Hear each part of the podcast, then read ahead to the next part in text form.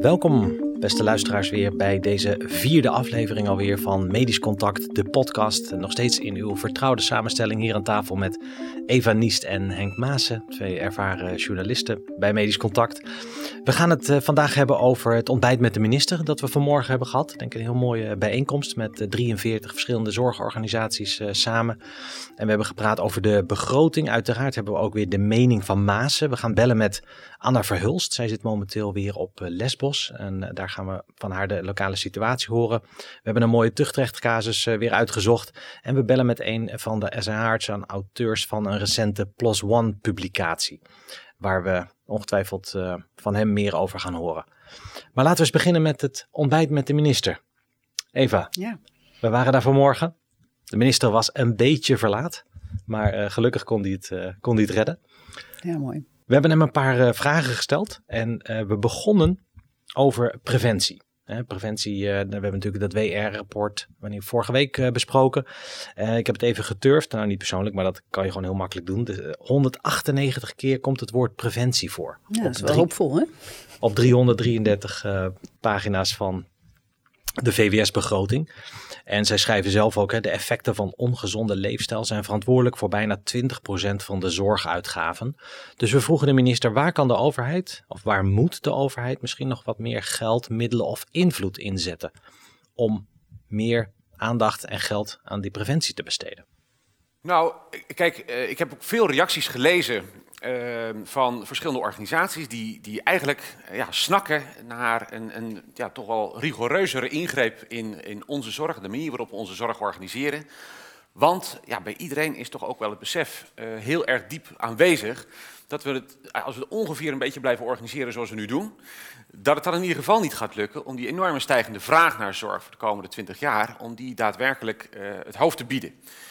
En ja, we hebben in de afgelopen periode hebben we een, een enorme schaarste gezien natuurlijk, hè, die, die afgelopen anderhalf jaar. Maar de komende twintig jaar ja, gaan we natuurlijk eenzelfde explosie aan schaarste, zou je kunnen zeggen, uh, zien, maar dan in, in slow motion. En een van de wegen om daar iets aan te doen is natuurlijk heel veel meer inzetten op, uh, op preventie. En ik denk, als ik gewoon kijk naar ons huidige zorgstelsel, we hebben een prachtig preventieakkoord met heel veel partijen eronder. We doen daar ook echt ferme dingen volgens mij. En tegelijkertijd zou je veel meer willen, denk ik, dat preventie in het hart van onze zorg zit. Dus als je nu kijkt naar hoe de financieringsprikkels gericht zijn, dan, dan zou je eerder zeggen dat, dat preventie wordt ontmoedigd dan wordt aangemoedigd. Dus als je als gemeente investeert in preventie, ben je eigenlijk aan het stoken voor de buren. Als je als individuele zorgverzekeraar aan het investeren gaat in preventie, ben je eigenlijk aan het stoken voor de buren, want een andere zorgverzekeraar zal daarvan de revenue uh, uh, oppikken. Hè. Dus individuele preventie gaat nog wel, maar collectieve preventie, er zit weinig aanmoediging in onze huidige bekostiging om daar te komen. Dus ik denk dat die prikkels de goede kant op moeten worden gezet. Laat staan, en dat is misschien nog wel belangrijker, de, de, de preventie in de richting van de WLZ. Eigenlijk zijn nu alle prikkels erop gericht om als financiers zoveel mogelijk mensen de WLZ in te duwen. Dat zeg ik wat onaardig, maar als ik kijk naar de groei van de WLZ, is dat wel een beetje wat aan het gebeuren is op dit moment. We geven volgend jaar, zal het zijn, 5 miljard meer uit aan zorg dan in dit jaar, eh, naar verwachting. Ook dit jaar geven we uh, orde grote 4, 5 miljard meer uit dan het jaar daarvoor. Kortom, een defensiebegroting erbij in twee jaar tijd, zou je kunnen zeggen. En heel veel van die groei zit in de WLZ. En ja, dat kunnen we gewoon niet volhouden. Ik bedoel, de echte vergrijzing moet nog beginnen. Dat kunnen we gewoon niet, ons niet veroorloven. Hoe uh, komt dit op jullie over? Nou, uh, je, je, je hoopt dat hij toch eigenlijk een stapje verder zou gaan. Maar misschien kan dat ook niet, omdat het kabinet demissionair is. Maar ik, ik had eigenlijk nog twee andere dingen gehoopt dat hij zou zeggen. Namelijk één, uh, hij heeft het over stoken voor de buren. Uh, uh, dat, dat, laten we zeggen, preventie alle beleidsterreinen doortrekt. En niet alleen het, terrein van het ministerie van VWS. En dat het ministerie van VWS misschien voortrekker is op al die terreinen, maar niet per se het, het enige politieke terrein is waar je preventie kunt toepassen. En het andere is dat hij zegt dat dat convenant wat we gesloten hebben, of dat gesloten is met een heleboel belangengroepen over preventie, dat hij, dat, hij noemt dat een prachtig convenant, maar het is niet verplichtend. En uh, ik denk dat we nou in, in, een fase zijn gekomen dat de overheid wat dat betreft ook stappen zou moeten zeggen. Dat je, dat je moet zeggen, we moeten bepaalde uh, preventiemaatregelen verplichtend opleggen, anders komen we er nooit. Nou, het was wel mooi, want na afloop was Stefan van der Vijver, dat is een trooparts die ook op die bijeenkomst was.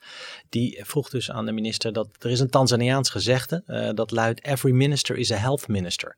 Dus we moeten op ieder departement kijken wat heeft deze, impact, wat heeft deze maatregel voor impact op de gezondheidszorg. Schitterende uitspraak. Echt heel mooi. Zeker. Goed gezegd. Every minister is a health minister.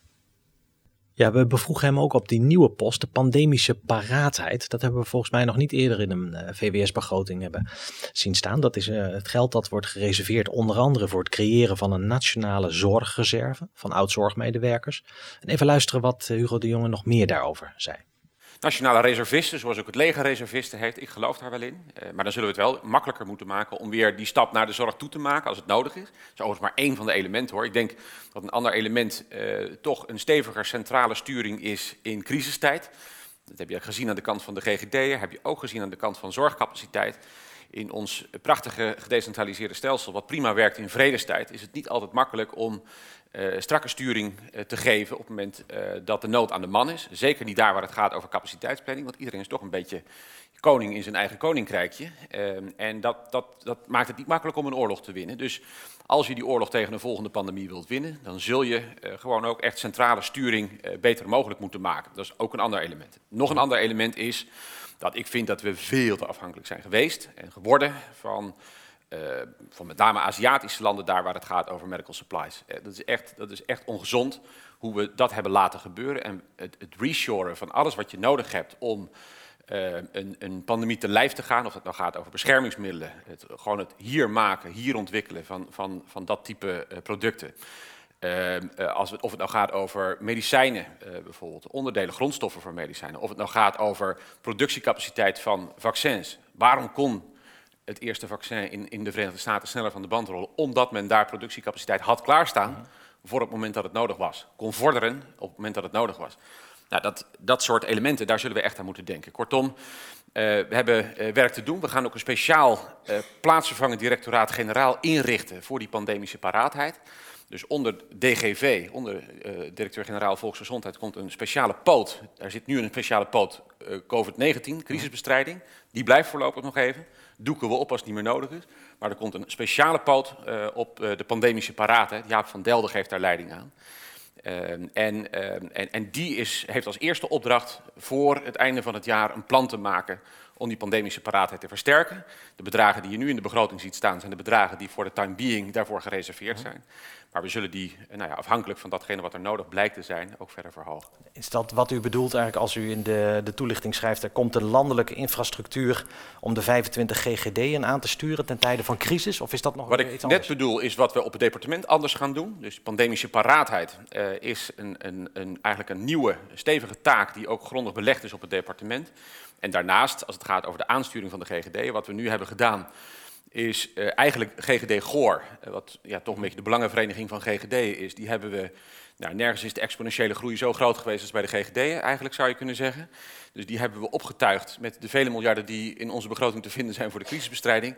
Maar dat is eigenlijk best ook een beetje een, een bijzondere vormgeving daarvan. Dat was in het huidige stelsel niet anders mogelijk. Maar daar wil ik eigenlijk een structurele voorziening voor. Uh, voor de crisisaansturing van de GGD op het moment dat het nodig is. Dus als je een ziekte aanwijst als A-ziekte, dan moet ook die crisisbestrijding gecentraliseerd worden, bijvoorbeeld bij het RIVM. Dus daarmee geeft u eigenlijk aan dat het nu misschien suboptimaal gefunctioneerd heeft? Nou, ik denk dat u het, zegt dat er een alternatief ik, moet ik komen? denk dat het ondanks uh, de manier waarop we onze zorg georganiseerd hebben, eigenlijk heel fantastisch is gegaan door al die mensen. Maar je zou wel, je zou, ik zou die mensen hebben toegewend, zeg maar, en mezelf ook wel een beetje, dat uh, het stelsel ook een beetje had geholpen uh, en dat we niet helemaal afhankelijk waren van, uh, van, van de vele fantastische inzet van, van al die mensen. Ja, dus, dus de aansturing moet gewoon beter georganiseerd worden. We vroegen de minister ook nog of hij de hashtag zorginfarct heeft gevolgd, die de laatste tijd op sociale media veel wordt gedeeld door zorgmedewerkers. Even luisteren naar zijn antwoord. Die, die hashtag, ik zou het voor nu, zou ik het nog niet zo verwoorden. Maar ik snap wel het gevoel dat mensen hebben als je uh, ziet dat je de zorg eigenlijk niet meer kunt leveren zoals je het eigenlijk wilt. Als je ziet dat je geplande operaties af moet zeggen, gewoon omdat je niet meer genoeg verpleegkundigen hebt. Uh, ik geloof inderdaad dat, dat dat kan voelen als een, als een zorginfarct.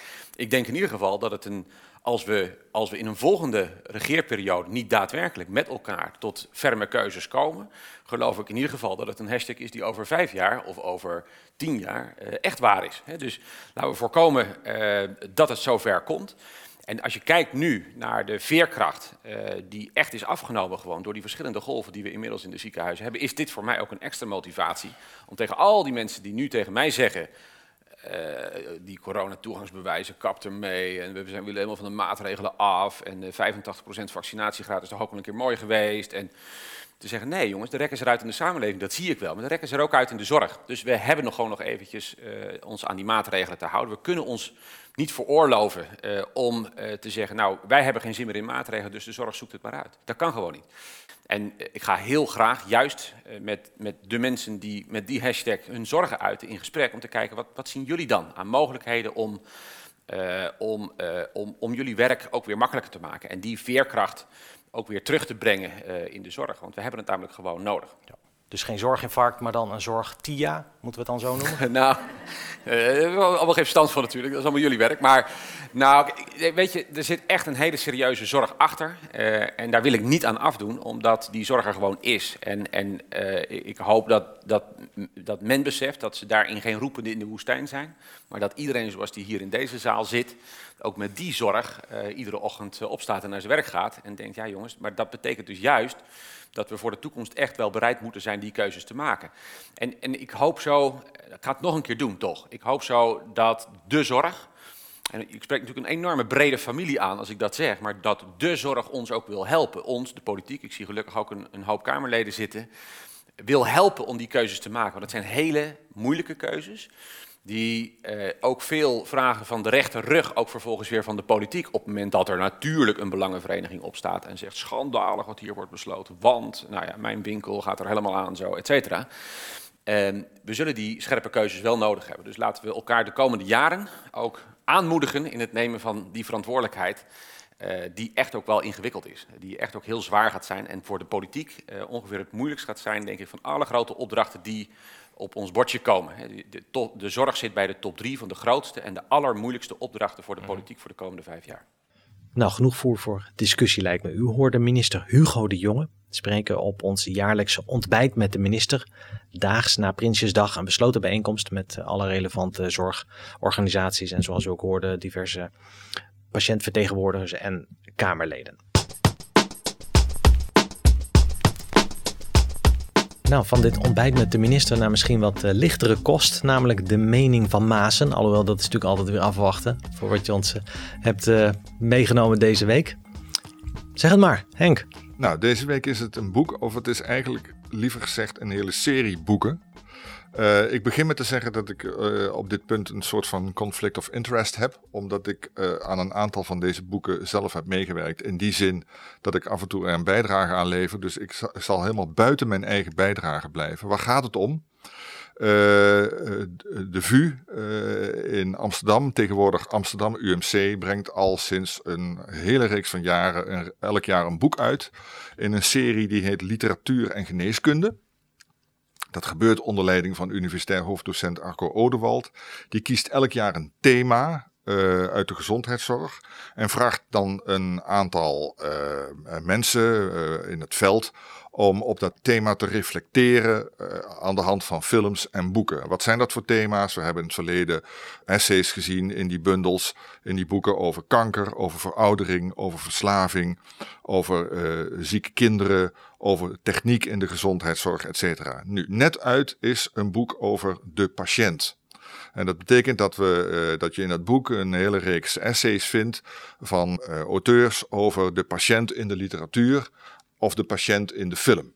Uh, mensen die eraan meewerken zijn uh, mensen als Joost Zaat en uh, de Nederlandse schrijver Sander Kollaert en nog een aantal andere mensen.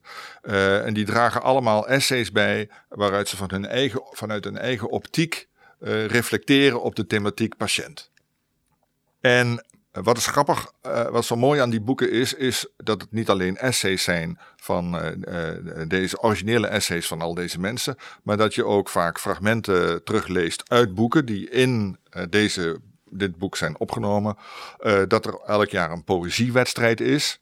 Waar iedereen aan kan meedoen. Uh, gedichten insturen over deze thematiek. En dan wordt dan ook netjes een prijs uitgereikt. En er wordt elk jaar een bekende Nederlandse schrijver gevraagd om te reflecteren op deze thematiek. Uh, en dat is, zoals ik al zei, dit jaar is dat de schrijver Sander Kollaert. Nou, um, ik wilde twee, deze, deze keer, in dit boek vielen mij twee bijdragen op die ik graag even naar wil stipuleren. Dat is in de eerste plaats de bijdrage van Kollaert. Die vind ik echt heel erg leuk. Hij ehm, eh, draagt een verhaal bij onder de titel De heilzame effecten van het ziek zijn. En eh, de conclusie daarvan zou ik heel even willen voorlezen. Ga naar bed. Als het zover is, dus als je een beetje ziek bent. En ga liggen. Neem afstand van de dagelijkse beslommeringen. Laat de golfslag van het leven zich op de verre kust storten. Kijk naar de hemel en vind er een robuuste filosofie. Dwaal over besneeuwde velden en verras uzelf met de moed van een leeuwentemmer. Daal af in uw ziel en geef expressie aan uw intiemste zelf. En bezie als de koorts begint te wijken uw dierbaarste opvattingen in het licht van een hemel die lak heeft aan welke opvatting dan ook. Dat een roos mooi is en een narcis niet. Dat een Tesla beter is dan een Toyota of andersom. Dat Ali B een visionair is of een BN'er met een lekker verdienmodelletje. Dat Feyenoord een prachtclub is of een bron van eindeloos verdriet. Kollaert, de schrijver van het stuk, meeslepender dan Shakespeare, of juist niet. Wees openhartig, wees driest. Neem al die sleetse, vermolmde en zouteloze opvattingjes in uw hand, verfrommel ze en werp ze van u. En pas dan, voorspel ik u, niet eerder, zult u werkelijk herstellen. Nou, ik bedoel, dat soort bijdragen, daar doe je het voor. En uh, in het boek staat er vol mee. Er staat nog een andere in die ik heel even aan stip. Dat is een vrij unieke bijdrage, omdat het voor het eerst is, denk ik, in deze hele serie boeken dat er ook aandacht is voor wat tegenwoordig graphic novels heet. Ik zeg nog gewoon stripverhalen. Van de Nijmeegse ethicus Gert Oldhuis, die daar echt een prachtig punt van maakt. Hoe belangrijk die, uh, die graphic novels kunnen zijn, vooral ook voor patiënten. Om, uh, laten we zeggen, een soort van um, inzicht te krijgen in hun ziekte en te zien dat ze lotgenoten hebben. Ik zou zeggen, raadpleeg de site literatuur- of ga naar de uitgever, de tijdstroom in Utrecht en kijk eens of er in deze hele reeks van boeken iets van uw gading bij is. De laatste is net uit en hij heet Anatomie van de patiënt. En volgende week James Bond. Daar kijken we sowieso naar uit.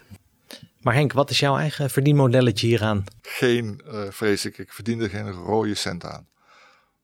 Maar we kunnen misschien wel wat weggeven? Ja, laten we, uh, mensen die, laten we een loterij doen. Mensen die belangstelling hebben, uh, twee boeken geven we weg. Hartstikke mooi. Laat uh, dus een berichtje achter onder de podcast. Dankjewel weer Henk voor deze mening van Maasen. Ja, Eva en Henk, we hebben contact met Anna Verhulst. Anna Verhulst is verbonden aan onze Raad van Advies en is nu momenteel voor de tweede keer op eh, Lesbos, waar zij werkt op de medische spoedpost. En we gaan eens even van haar horen ja, hoe ze het daar heeft. Eh, goedemiddag, Anna. Hoi, Berto. Hi, heel fijn dat je in deze podcast-uitzending even wil uh, komen vertellen over um, ja, hoe de situatie uh, daar is. Je bent daar nu voor de, voor de tweede keer, hè? Ja, dat klopt. Ik ben uh, vorig jaar hier zes weken geweest als uh, vrijwilliger, als arts. En nu ben ik er wat langer. Nu ben ik hier bijna vier maanden uh, als onderdeel van mijn opleiding tot internist. Nou, heel bijzonder dat je dat en heel mooi dat je dat hebt kunnen regelen. Kun je eens de, de situatie daar beschrijven voor ons? Um, ja, zoals ik denk dat de meeste luisteraars ook wel weten, is er hier op Lesbos in Griekenland een groot vluchtelingenkamp. Uh, daar zitten op dit moment nog een kleine 4000 uh, vluchtelingen in. Dat aantal dat loopt een beetje af. Met name omdat er uh, nou, ook wel nieuws voorbij gekomen veel pushbacks zijn. Dus er komen weinig nieuwe vluchtelingen aan op Lesbos. Um, en het is geen fijn kamp voor de mensen die erin zitten. Het is um, heel basic, heel warm in de zomer. Er zitten veel kinderen in het kamp. Um, en er is eigenlijk vrij weinig uh, uh, voor ze om te doen en minimale basisvoorzieningen. Dus um, het is een hele schrijnende situatie. Ja, en, en welke problemen zie je daar met name op de spoedpost binnenkomen? Um, met stip op één staan toch wel de psychische en psychiatrische problemen. Wat je natuurlijk kan voorstellen is dat deze mensen die zijn uit hun land gevlucht om een reden. En dat is geen leuke reden. Dus die hebben daar vaak al hele vervelende dingen meegemaakt. Die hebben een lange reis gemaakt over land, over zee. ook daar erge dingen meegemaakt vrouwen die verkracht zijn, mannen die heel lang in de gevangenis hebben gezeten. Uh, allemaal dat zwijtpijn komt, maar die dan eigenlijk nou ja, daar last van heeft sinds ze verkracht is. Um, nou ja, dat soort psychische klachten staat met stip op één uh, van wat we zien. Nou ja, vreselijk. Weet je, ik kan niks anders uh, dan daar een beetje stil van worden van deze problematiek. Ook omdat ik op LinkedIn lees dat jij nu ook alweer mensen ziet die er tien maanden geleden ook al zaten. Dus hoe lang blijven mensen daar gemiddeld? Is er uitzicht voor hen? Ja, ja, eh, dat is een hele goede vraag. Die, uh, die mensen die ik hier tien maanden geleden ook zag, zijn eigenlijk ook mijn collega's hier. Dat zijn inwoners van het kamp die samen met Stichting Bootvluchteling met ons op de post werken en ons helpen met het vertalen. Um, en nou ja, een deel daarvan die was hier tien maanden ook. En de procedures hier kunnen soms wel jaren duren. Um, en dat, dat loopt gewoon niet heel lekker, waardoor mensen of op een hè, bevestiging of op een afwijzing of op een tweede procedure echt heel erg lang moeten wachten en ondertussen geen kant op kunnen. Ja, Anna, je, je zegt ook dat er eh, veel psychische problematiek is. Hoe, hoe doe je dat als internist? Heb je ook een psychiater aan je zee daar op de post? Ja, nou, wat, wat wel mooi is, en dat is um, ook wel verandering ten opzichte van vorig jaar, is dat Stichting Bootvluchteling afgelopen tijd heel hard heeft gewerkt om hun uh, psychische ondersteuning aan de mensen in het kamp uit te breiden. En dat betekent dat er uh, nu vrijwel altijd ook een, uh, een, psycholoog mee is in de avonddienst. Dus om de acute gevallen ook te zien en te consulteren. En dat er ook overdag mensen terug worden gezien. Uh, en ook een soort van ja, weerbaarheidstrainingen worden gegeven overdag. In de hoop mensen op die manier een beetje te ondersteunen. Dus daar krijgen we gelukkig ook als artsen veel hulp van, van mensen die daar verstand van hebben. Nou, dat is mooi. Ja, en medicatie, is dat er genoeg? medicatie is er op zich genoeg. Um, dat is natuurlijk altijd wel lastig in deze uh, setting. Want wat je kan voorstellen is dat als mensen problemen hebben, dat ook uh, verslaving en middelenmisbruik wel echt op de loer ligt. Dus bijvoorbeeld het gebruik van uh, benzodiazepine um, is in het kamp wordt veel terughoudender mee omgegaan. en dat ligt ook een beetje in de Griekse cultuur. Maar over het algemeen is er genoeg medicatie. En het, ja, het probleem is eigenlijk niet dat deze mensen medicatie nodig hebben natuurlijk. Deze, deze mensen die hebben een huis nodig en een, en een plek om te wonen en een plek om zich veilig te voelen. En, en kinderen hebben, hebben een school nodig en een opleiding en een toekomst. Dat is denk ik wat ze nog meer nodig hebben dan medicatie. En zie je, ik zag net dat uh, in je blog dat je uh, gebruik uh, kunt maken van tolken die Afghaans spreken, als ik het goed onthouden heb. Zie je de gevolgen van de val van Kabul nu daar, of merk je daar niks van? Nee, niet direct. Het is natuurlijk wel iets wat ontzettend speelt hier bij de Afghaanse gemeenschap, waar je het ook wel met elkaar over hebt. maar de directe gevolgen zien we hier nu op dit moment nog niet. En hoe, uh, hoe urgent of hoe pregnant is er corona daar aanwezig in het kamp? Ja, op, op dit moment um, loopt het aantal besmettingen eigenlijk terug in het kamp. Um, er is wel een uh, quarantainegebied, dat is een stuk van het kamp dat is afgezet, waar mensen die positief testen verplicht moeten verblijven. Um, het is gelukkig, ik moet zeggen, ik heb daar vorig jaar echt mijn hart wel uh, voor vastgehouden. Redelijk goed verlopen tot nu toe. Als in, uh, er zijn wel mensen die zuurstofbehoeftig waren en naar het ziekenhuis moesten. Maar het is niet in zulke grote getalen geweest dat dat echt problemen opleverde. En ik denk wat relatief beschermend nog werkt in deze populatie, is dat de mensen die nu nog in het kamp zitten, uh, relatief wat jongere en nog wat gezondere mensen zijn. Uh, dus die wat minder hoog risico hebben op een uh, gecompliceerd verlopende COVID-infectie. Ja, nou, in ieder geval iets dat lijkt mee te vallen. Um, ja, ja, Anna, gelukkig. We gaan je natuurlijk, we gaan je natuurlijk volgen. Je blijft je ervaringen delen met, uh, met ons, onder andere via uh, jouw berichten op, uh, op LinkedIn. En we zullen jou, als je het goed vindt, ook regelmatig eens terug laten komen in onze podcast. En voor nu heel veel succes en, en wijsheid daar gewenst. En ontzettend bijzonder dat je dit via je opleiding hebt kunnen, kunnen regelen. Lijkt me een hele waardevolle ervaring die de rest van je leven met je mee gaat nemen. Ja. zeker. En misschien nog leuk om te noemen is dat ik inderdaad stukjes schrijf op LinkedIn. Maar dat uh, per puur toeval Bram Tjade, een van de uh, bloggers voor Medisch Contact, hier op dit moment ook werkt op de medische spoedpost. Dus ook van hem uh, zullen er binnenkort blogs terug te lezen zijn over het werk hier. Mooi te horen, goede aanvulling. Dankjewel Anna Verhulst en heel veel succes op Lesbos. Yes, dankjewel Berto.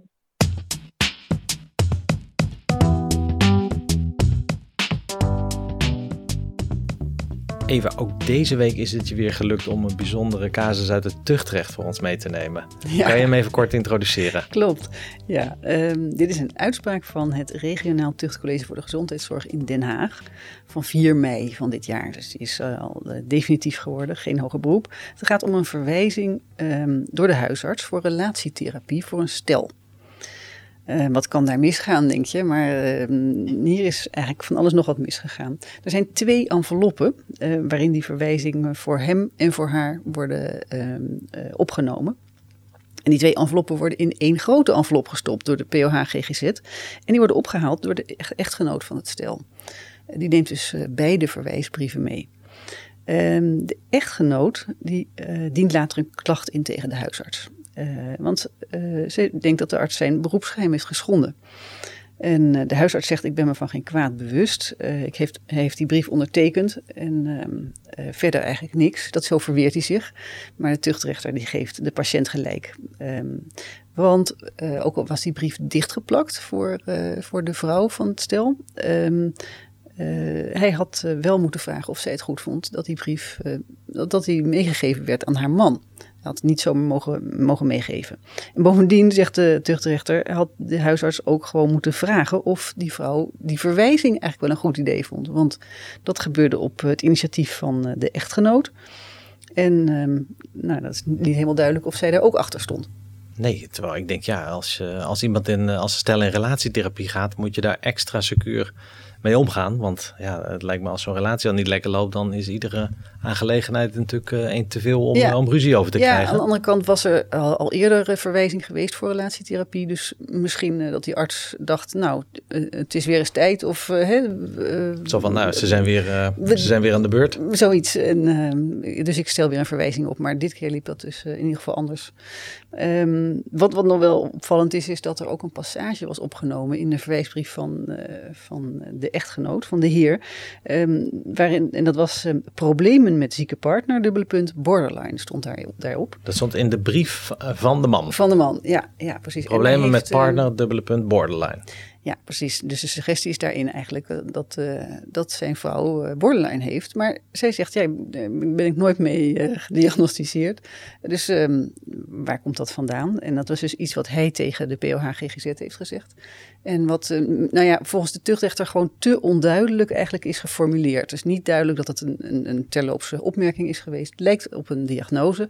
En daar, nou ja, dat, dat wordt deze huisarts ook aangerekend. Dus die man heeft gewoon een keer gezegd tegen die POH GGZ, ja mijn vrouw dat is een uh, notoire borderliner.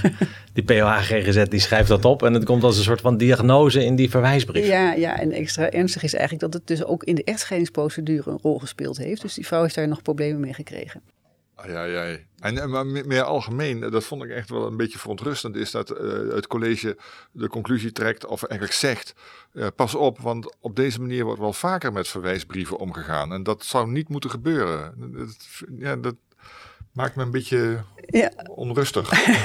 ja, jij denkt, waar, aan wie worden mijn verwijsbrieven meegegeven? Bijvoorbeeld, ja. Ja, precies. Nee, dat, um, dat is ook zo. En dat is voor het college dus ook een reden om uh, nu te zeggen van uh, laten we dit laten publiceren, deze uitspraak. Want deze manier van opstellen en ondertekenen van verwijsbrieven uh, komt vast veel vaker voor. Ja, dat denk ik ook. Hè. De, je, iedere huisarts heeft natuurlijk tegenwoordig praktijkondersteuners die allerlei verwijzingen ja. uh, regelen. Bijvoorbeeld iemand uh, met een bloeddruk die uit de hand loopt of anderszins dingen. Ja. En dan in de lunchpauze krijgt de huisarts een stapel uh, dingen, recepten en verwijsbrieven waar hij zijn handtekening met rechts opzet en met links zijn boterham met pindakaas op eet. Ja, precies. Dus ja. dat zijn dingen die er wel zomaar tussendoor kunnen ja, dus dat de, geloof de, ik ook wel. De take-home les uit dit verhaal is inderdaad van let op hoe je dat organiseert. En alleen maar ondertekenen, dat is dat is, daar, houdt het niet op. Je bent verantwoordelijk voor wat er in de brief staat en ook voor hoe die wordt overhandigd aan je patiënt. Ja, en pas op dat niet een terloopse opmerking zomaar ineens als een diagnose in een verwijsbrief komt. Ja, dat is ook een aanrader. Ja. Nou, dankjewel weer voor deze boeiende casus, Eva.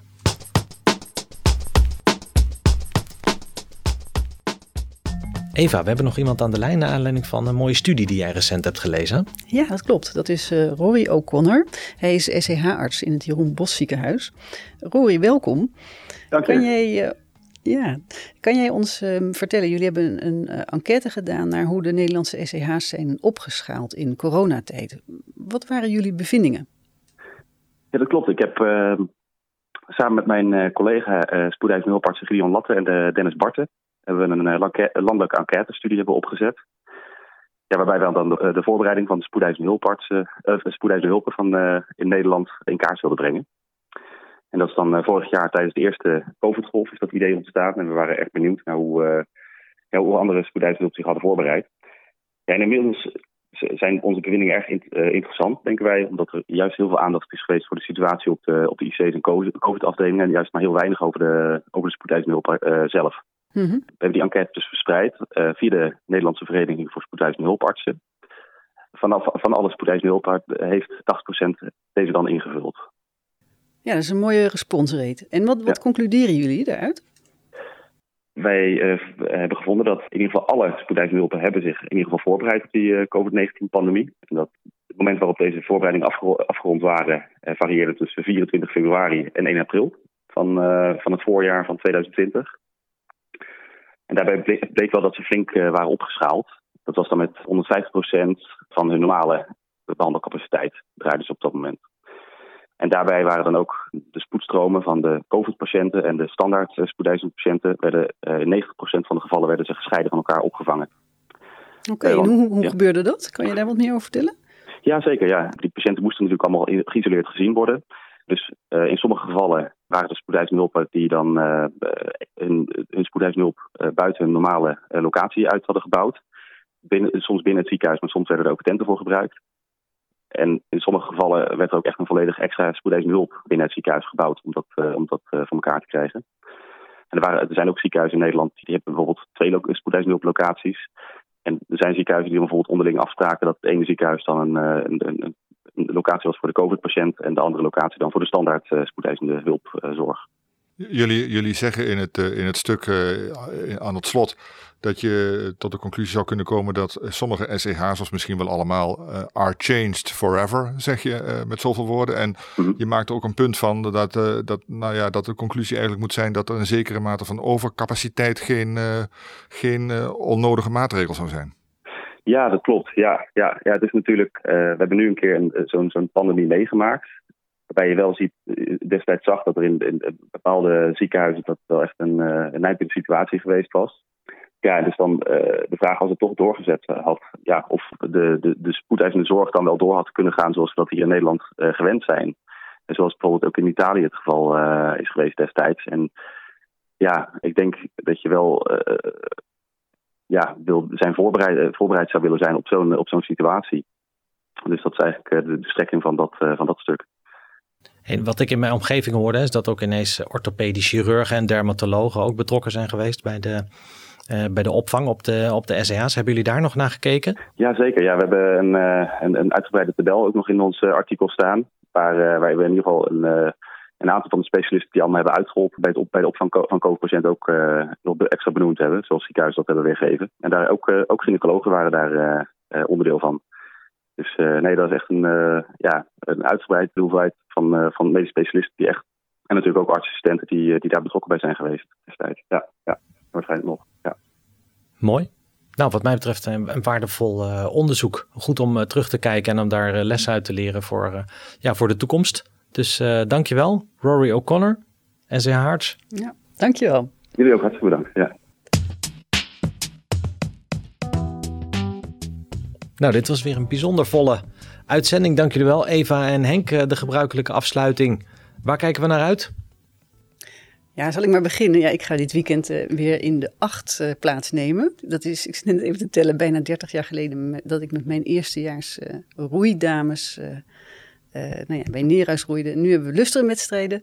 Dus voor het eerst gaan we proberen om nu weer, ik geloof 250 of 150 meter te roeien. En hoe lang heb je het niet gedaan? Ja, ik denk zelf ook twintig jaar niet of zo. Nou, ja, sterkte dan. ja, ja, laat de concurrentie maar niet horen dat we niet geoefend hebben. Want ik geloof dat dat eigenlijk wel hoort. Maar... We gaan deze, we gaan deze publicatie wat verdragen tot na, jouw, tot na jouw wedstrijd. Henk? Uh, ik heb een paar dagen vrij en ik ga zelfs naar Drenthe, geloof ik, en naar een oud kasteel. En ik kom nog met wat filmvrienden bijeen, waarin we, uh, we gaan vast uh, voorfilosoferen over de nieuwe James Bond.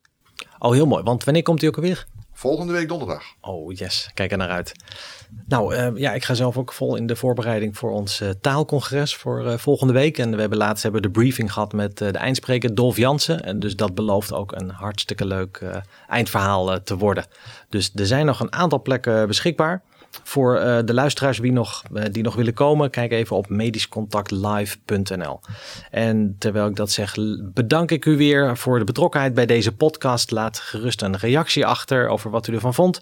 En abonneer u natuurlijk op ons podcastkanaal van Medisch Contact, zodat u nooit meer een uitzending mist. En dan hopen we u in de volgende podcastaflevering weer te mogen begroeten. Tot ziens.